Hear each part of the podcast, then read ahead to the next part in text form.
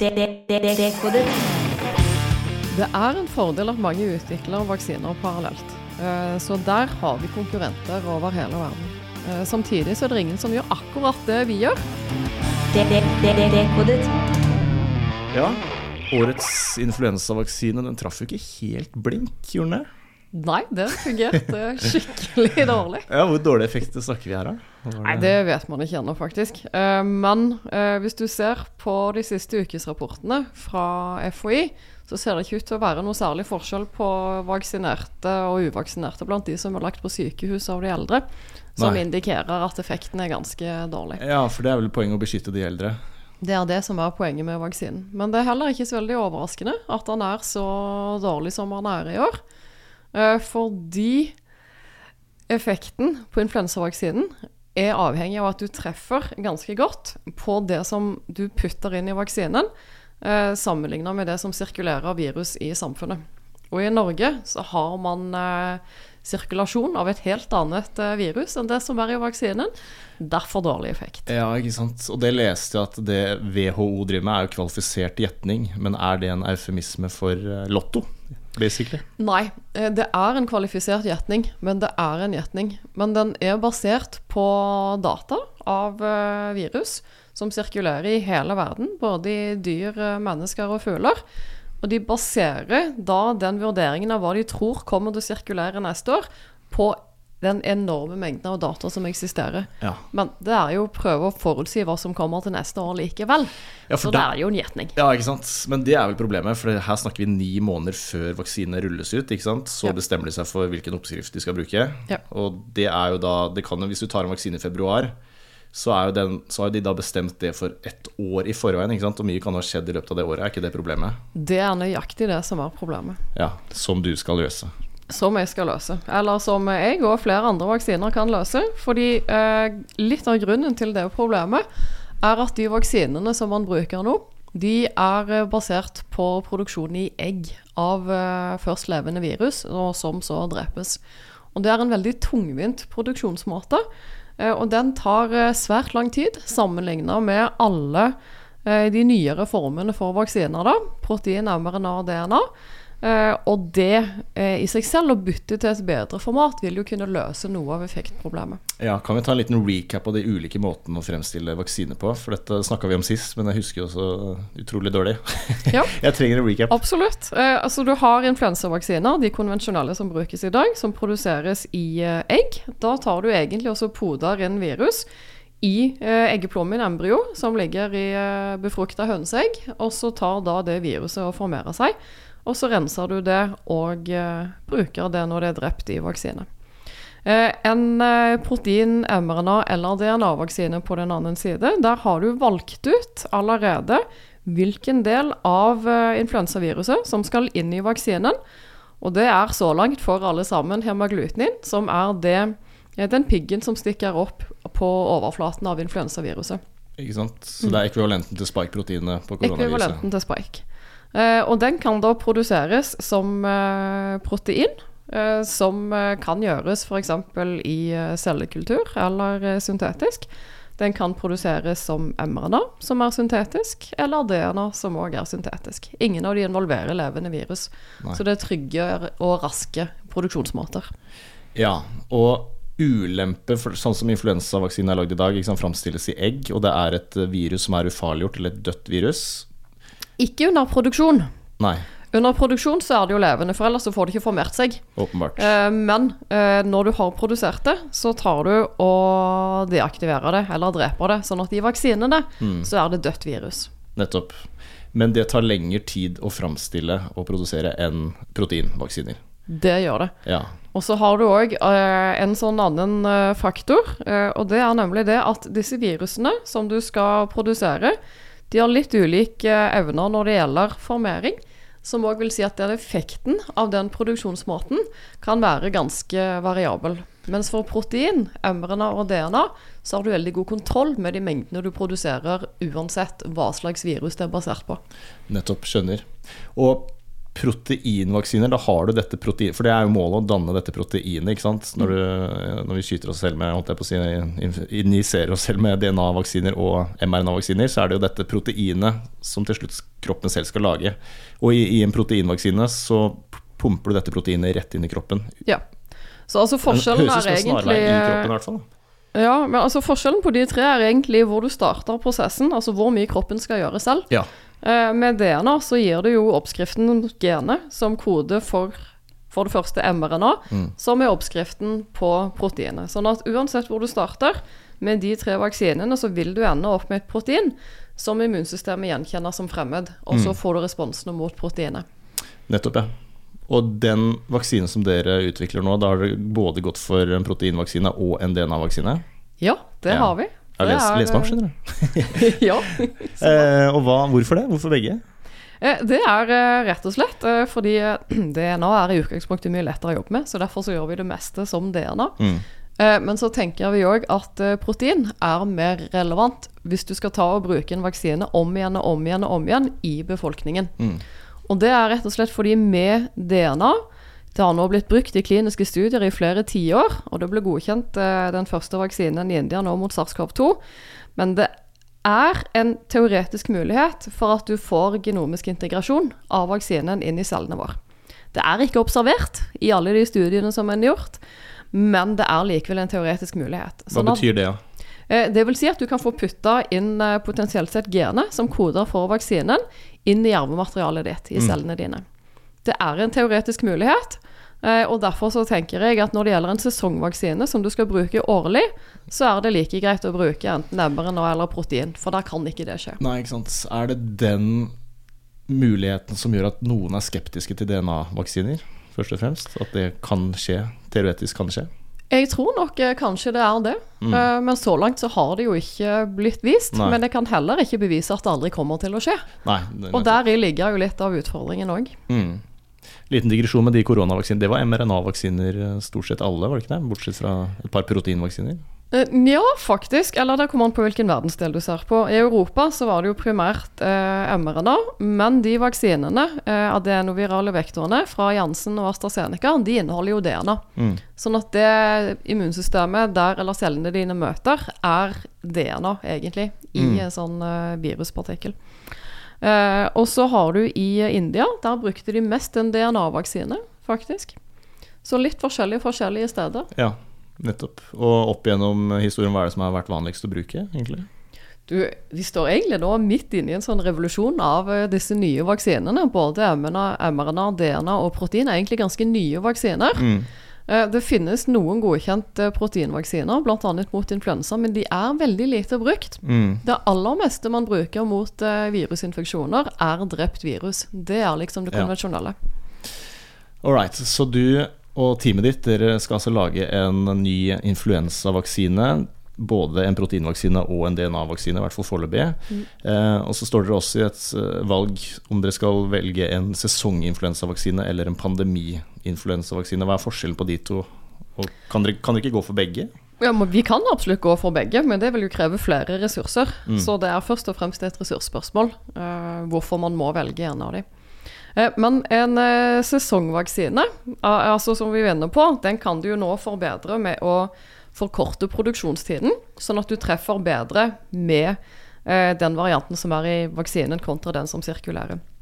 Du kan òg ta og forbedre effekt ved å bruke både mRNA, DNA og protein, rett og slett for å danne T-celleresponser som gir en bredere beskyttelse mot ulike virusvarianter. Det er litt sånn kontraintuitivt, for du skulle tenke at når du har en konvensjonell vaksine med drept virus, så ville den kunne gi en stor bredde i mm. immunresponser, masse T-celleresponser og antistoffer og sånn. Og så er det det motsatte som skjer. Ja. Du har bredere spesielt T-celleresponser med disse vaksinene som er basert på en del av viruset. Mm. Uh, og derfor så kan du også få, Det er derfor du har med mRNA-vaksinen mot SARS-CoV-2 så har du bred beskyttelse mot alvorlig sykdom med alle variantene vi har sett så langt. Eh, og det samme vil man kunne få med en eh, influensavaksine hvis man går over til et mer funksjonelt format. Men hvorfor får man bredere beskyttelse med denne nye teknologien? Vet man det? Du, der er det faktisk eh, noen spørsmål, men det er litt hvordan immuncellene tar opp de ulike vaksinekomponentene, hva som skal til for at du får presentasjon til ulike eh, immunceller.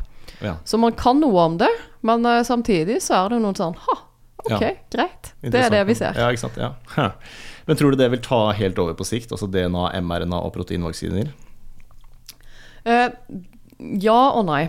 Når det gjelder eh, vaksiner som vi ennå ikke har i dag, eller våre eksisterende vaksiner er litt sånn mangelfulle, så ja, da tror jeg disse tre vil ta over. Mm. Eh, men så har vi jo typisk vaksinene som er i barnevaksinasjonsprogrammet, og som gir svært god Ja. beskyttelse, og typisk livslang. Og da er det jo ingen grunn til å bytte ut de. Hvorfor er det sånn at noen vaksiner gir livslang beskyttelse, men en annen eh, kom jeg på å svare mens jeg sa spørsmålet. For det er jo fordi viruset muterer, og spesielt influensaviruset, gjør det ikke det? Fra Ja. år til år. Eh, men hvorfor er influensaviruset der så spesielt at det muterer raskere enn andre typer virus? Det er ikke så spesielt, eller det er jo kult og spesielt, men det er fordi det er et uh, RNA-virus, uh, som vil si at det har arvematerialet sitt som eh, RNA. Det har òg SARS-CoV-2. Eh, og det er rett og slett mer ustabilt. De molekylene er mer ustabile. Ja. Sånn at når viruset formerer seg, kopierer arvematerialet, så er det større sannsynlighet for at det oppstår lesefeil.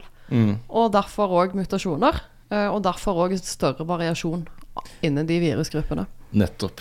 Og derfor trenger vi en ny vaksine som treffer bedre, med kortere utviklingstid. Da. Ja. Og hvor kort, fordi Verdens helseorganisasjon de bruker da ni måneder sant, fra de bestemmer seg til de ruller ut vaksinene. Hvor kort tid kan vi tenke oss her, da, hvis dere lykkes med dette? Eh, I dag så har eh, proteinvaksiner en produksjonstid på rundt fire måneder. Og for eh, DNA og mRNA så regner vi med vi kan komme ned kortere. Spesielt DNA er det raskeste vi har. Ja.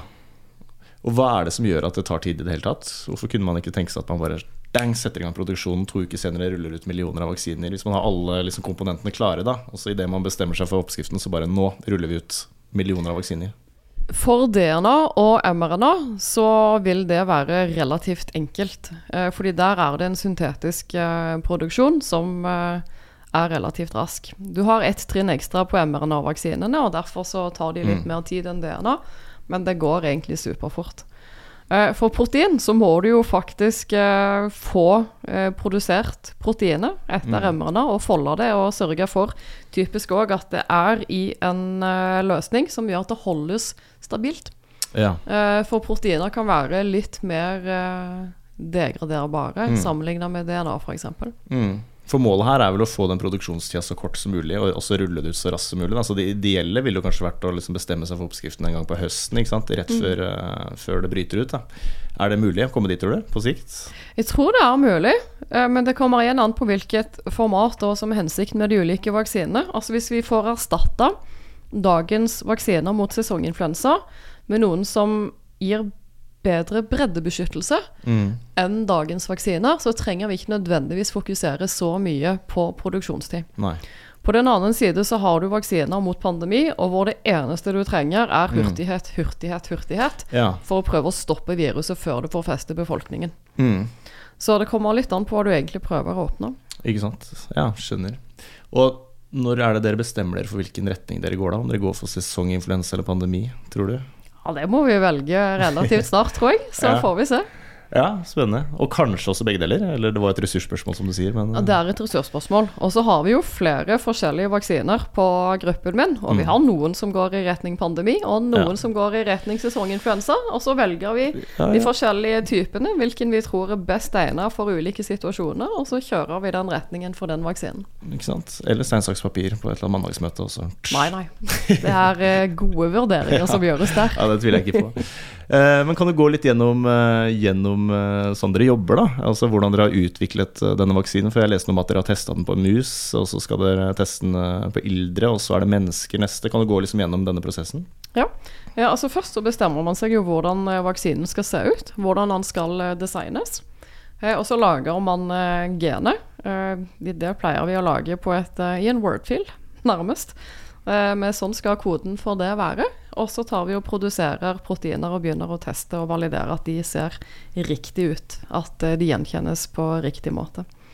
Eh, og når vi har utvikla selve vaksinen, så er første trinn alltid å teste i mus. Eh, og det er fordi det går relativt raskt og er ganske lite ressurskrevende. Og da får du den første indikasjonen på om vaksinen faktisk gir den effekten du tror den får.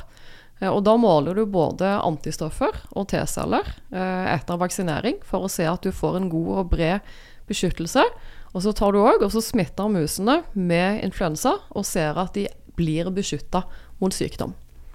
Eh, og hvis det fungerer fint, og det gjorde det heldigvis for denne vaksinen òg, så er neste trinn å gå videre til ilder.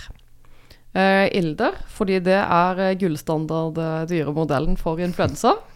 Og det kan jo høres litt sånn pussig ut, men det var rett og slett den første dyrearten hvor man klarte å få influensaviruset til å smitte videre fra én ilder når du hadde gitt den influensa. Så smitter den videre de andre i uh, nærheten av seg, akkurat sånn som viruset sprer seg mellom mennesker. Så derfor er det gullstandarden. Uh, og da ser du egentlig på en validering av det samme som du har sett i mus. Du prøver egentlig å gjenta de gode dataene fra mus med antistoffer og T-celleresponser og beskyttelse mot virus. Eh, og hvis du òg får det i ilder, så regnes det som godt nok til at da kan du gå videre i en fase 1-studie. Mm. Eh, og en fase 1-studie er jo første studie i mennesker, eh, og der er hensikten bare å se på sikkerhet. Mm. Og da inkluderer du typisk noen titalls personer. ser at vaksinene ikke gir alvorlige bivirkninger. Og du pleier òg å ta en liten indikasjon på at de gir immunresponser. Mm. Uh, og hvis det ser greit ut, så går du videre til fase to. Og da ser du bare på immunresponser, antistoffer og T-celleresponser. Selvsagt hvis det dukker opp sikkerhetsproblemer da òg, så tar du de òg på mm. alvor og stopper. Men uh, det er antistoffene og T-cellene som er hovedhensikten. Og hvis det òg ser greit ut, så går du videre til en fase tre. Og da inkluderer du typisk noen titalls tusen personer. Og da er det effekten av vaksinen når det gjelder beskyttelse mot virus du måler. Og det er de mm. studiene som eh, spesielt i forbindelse med SARS-CoV-2-pandemien har blitt eh, fronta i media som effektmål og lignende. Ja, og hvor i denne prosessen er dere akkurat nå? da? Dere nettopp testa det på mus, eller? Vi har nettopp testa det på mus, så for denne vaksinen så har vi et stykke igjen. det har dere. Så neste da er uh, ilder, ikke sant? Neste er ilder. ilder. Og hele den prosessen her, prosessen den tar vel da uh, Må jo ta noen år, da, kanskje? Den vil ta noen år. Han vil ja. kunne gå veldig raskt hvis vi har ubegrensa midler tilgjengelig. Det det har vi ikke på universitetet. Nei, det er noe med det. Så da tar det tid, rett og slett. Ja. Og hvor, eh, hvor stort er liksom dette forskningsteamet som For du leder dette teamet, ikke sant? Ja. Eh, hvor mange mann er dere, og kvinner? Vi er sånn rundt 89 stykker. Ja. Eh, og vi jobber på litt forskjellige vaksiner. Ja. Eh, noen mot eh, pandemisk influensa, noen mot sesonginfluensa. Mm. Og Er du også på laben sjøl, eller er du bare oppe der og styrer på kontoret? Jeg er på laben òg, ja. men ikke så ofte som man kunne ønske. Nei, Nei ikke sant. Savner det? ja, litt. ja. Um, nei, men Dette blir spennende. da Er det flere konkurrenter der ute som driver med akkurat det samme? Er det liksom førstemann her, eller er det en fordel at mange utvikler vaksiner parallelt, eller hvordan ser du på det? Det er en fordel at mange utvikler vaksiner parallelt. Eh, så der har vi konkurrenter over hele verden. Eh, samtidig så er det ingen som gjør akkurat det vi gjør. Mm. For hadde det vært det, så hadde det jo vært litt poengløst. Ja, ja. Eh, så det er Jeg tenker det er viktig at det er mye forskning som pågår, fordi da får vi både validert de prinsippene som hver av oss egentlig finner og jobber med, og vi lærer mer om det samspillet mellom vaksinen og immunsystemet. Mm. Eh, det er et altfor stort spørsmål til at en gruppe kan gjøre det alene. Mm, ikke sant. Og så leste jeg, fordi Det fins jo allerede proteinvaksiner mot influensa, men det er et eller annet med den vaksinen som dere utvikler som skiller seg fra de andre. Hva var det nå? Et eller annet med at det var tre proteiner knebla ja. sammen til en klump? eller et eller annet. Vi har laga det vi kaller en trimer. Ja. Eh, og det er fordi vi har prøvd å etterligne hvordan eh, dette, denne piggen, hemaglutinin, eh, ser ut på overflaten av viruset. Å drive en bedrift uten regnskapsprogrammet TrippelTex er litt som å piske krem uten miksmaster. Det går jo, men det bare tar masse unødvendig tid. TrippelTex, det fleksible regnskapsprogrammet som forenkler hverdagen for over 100 000 fornøyde kunder. Prøv gratis på TrippelTex.no. Kiwi er billigst i VGs matbørs og har vært billigst i fire av de fem siste VGs matbørser. Og nå presser vi prisen på påskevarer fram til 1. april. På 240-250 gram assortert Moro potetgull presser vi prisen fra 32,90 helt ned til 24,90. på assorterte 250 ml Cevita og Bendit-smoothies presser vi prisen fra 1990 helt ned til 12,90 pluss pant. For det er vi som er prispresserne. Og vi i Kiwi gir oss aldri på pris. Eh, Og på overflaten så er den en eh, trimærstruktur, som vil si at du har tre identiske eh, enheter som er satt sammen til én sånn eh, pigg. Mm. Eh, og vi har eh, hatt som et hovedpoeng når vi har laga denne vaksinen som vi nå snakker om, at vi skal få den strukturen. Eh, og grunnen er at da vi vil vi få egentlig bedre fanga alle de typene antistoffer som dannes mot eh, viruset naturlig, eh, og som vil kunne kanskje gi en større bredde i beskyttelsen, eller om du bare skulle hatt én av disse enhetene alene. Ja. For da ligner det protein i større grad på den piggen som er på dette viruset naturlig? Det er det som er poenget? Det er poenget. Ja, ikke sant? Så de andre proteinvaksinene, der er det bare masse løse eh, proteindeler som sprøytes inn, på en måte, som ikke er d- Tingen er den at det kan godt være noen av de faktisk er trimere, eller har denne samme strukturen, men det er ikke så godt beskrevet. Nei. Vi har beskrevet det og gjort Mm. det bevisst, og det er kanskje en av de viktigste forskjellene. Spennende.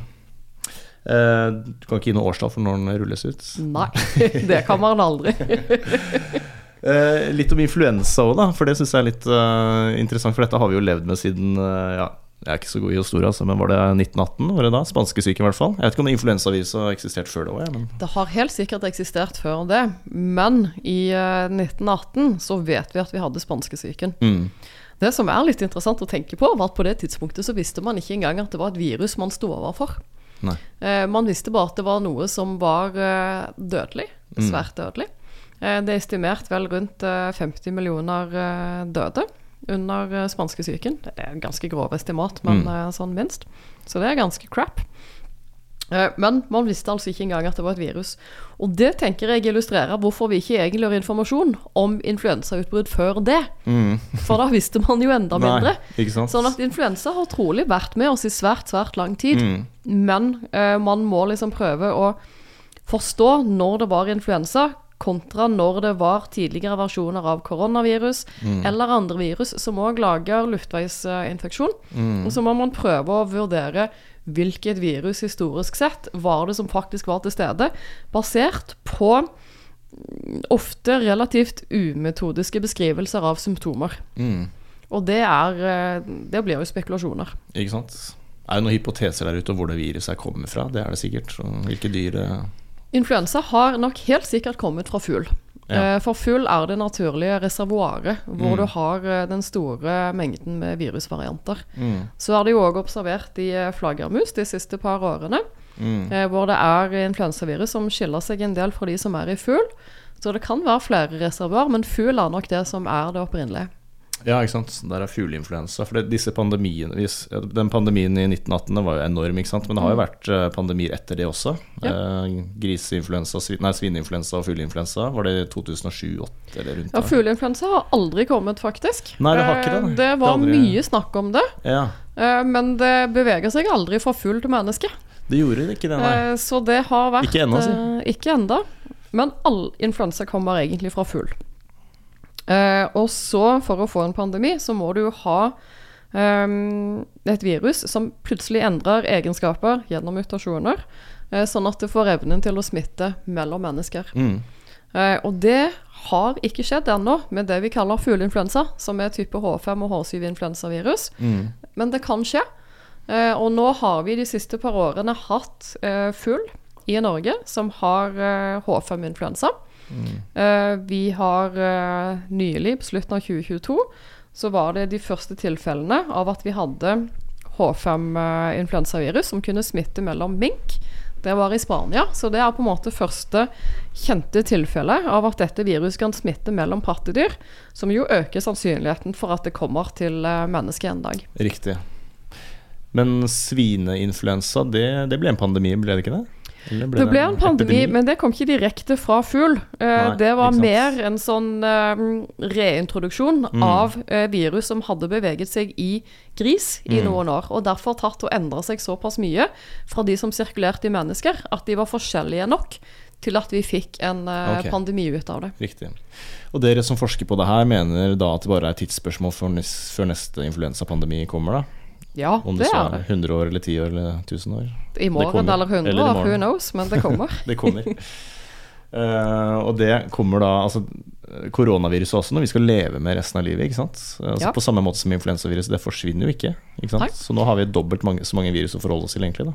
Vi har egentlig det, og det er litt uh, ja, kult eller skremmende, det er alt ettersom. Men de uh, sesongvirusene som nå sirkulerer, H1 og H3 H1-viruset kommer jo fra spanskesyken, sånn at sesonginfluensa er fortsatt en etterkommer av eh, spanskesyken. Mm. Eh, vi er jo så vant til det og har danna som befolkning så gode immunresponser at det er jo et helt annet eh, virus i dag. Mm. Og det samme med H3, som er det andre sesongviruset som sirkulerer. Eh, jeg tror det var 1957, så hadde du Asian flu, eh, som var H3. Og det eh, viruset er jo det som på en måte har gått nå parallelt med H1 og er vårt eh, sesongvirus, Ja. de to sammen nå. Tror du det er sannsynlig at koronaviruset også utvikler seg på samme måte som influensaviruset? At det blir sånn sesongutbrudd og forandrer seg veldig mye fra år til år? da? Om det kommer sånn sesongmessig, det må vi vente og se. For jeg syns det var litt overraskende den toppen vi hadde i uh, sommer. eh, og at det ikke har så Så foreløpig så har det ikke et så klart sesongpreg, i hvert fall. Men at det hele tiden vil drive og endre seg og komme tilbake i nye varianter, akkurat som influensa, det tenker jeg er ganske opplagt. Ja. Eh, jo, apropos korona. Fordi Sist du var her, så snakka du om at dere skulle lage en eh, kombivaksine, hvis jeg ikke husker helt feil, som både beskytter mot korona og influensa. Jobber dere fortsatt med det? Eller? Det gjør vi. Ja, dere gjør det? Ja. ja apropos flere vaksiner parallelt, ja. ja. Eh, Men er det noe som Skal dere da ta et valg om dere går for den, eller er det et annet løp ved siden av den et annet løp. Vi Ja, kjører flere flere Ja, okay, ok, så det var mange jeg, Skjønner, skjønner. Ja. Eh, ja. Og um, jo, et annet spørsmål som jeg satt og tenkte på. eh, dette med mus, da. Fordi hvorfor, er det, hvorfor bruker man alltid mus, egentlig, i eh, forskningsøyemed? Ja, det er rett og slett at uh, du får ganske raske svar relativt fort. Og så har vi eh, masse reagenser som gjør at vi faktisk klarer å måle både antistoffene og B-cellene og T-cellene. Altså på en måte den nøyaktige signaturen av immunresponsen kan vi måle veldig detaljert i mus. Eh, og tilsvarende reagenser det finnes eh, ikke i andre dyr. Så derfor er det det man starter med. Ja.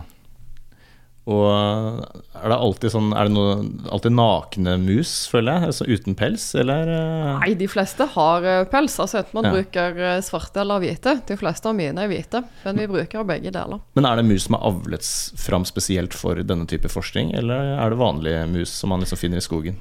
Og de er, eh, de er avlet fram for dette. Og Ja. grunnen er ikke at de er så veldig spesielle, egentlig. Grunnen er at du må ha full kontroll for alt det de har vært eksponert for når det gjelder andre virus og bakterier. Mm. Du må ha stålkontroll på alt som har påvirket immunsystemet, hvis du skal være sikker på å få akkurat signaturen av eh, vaksinen du har laget. Nettopp, ja.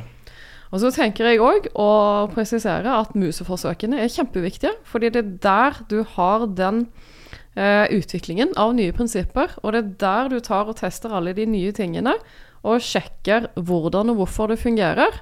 Og så er videre studier i større dyr og mennesker er egentlig mer bekreftelse av det du fant i mus. Ja, ikke sant. Nettopp. Så hvis dere hadde ikke hvis ikke resultatene hadde vært så gode i disse museforsøkene, så kunne dere selvfølgelig ikke gått videre med ilderforsøk. Det er, det er, liksom, det er første beviset på at dere er inne på noe, da. Det er første beviset. Så hadde ikke det vært eh, lovende, så hadde vi stoppet der og prøvd å finne på noe bedre. Nettopp. Men det var lovende. Det virker lovende. Ja. Og da er det bare å krysse fingra og ønske lykke til. Takk, takk. Dekodet. 20 nye sparetips hos Kiwi. Mitt sparetips er nyheten fra First Price kylling lårfilet. Garantert billigst i Kiwi. Nå får du 900 gram First Price kylling lårfilet til 118,70. First Price ferske fiskepinner til 42,90. Og mange andre First Price-nyheter hos Kiwi.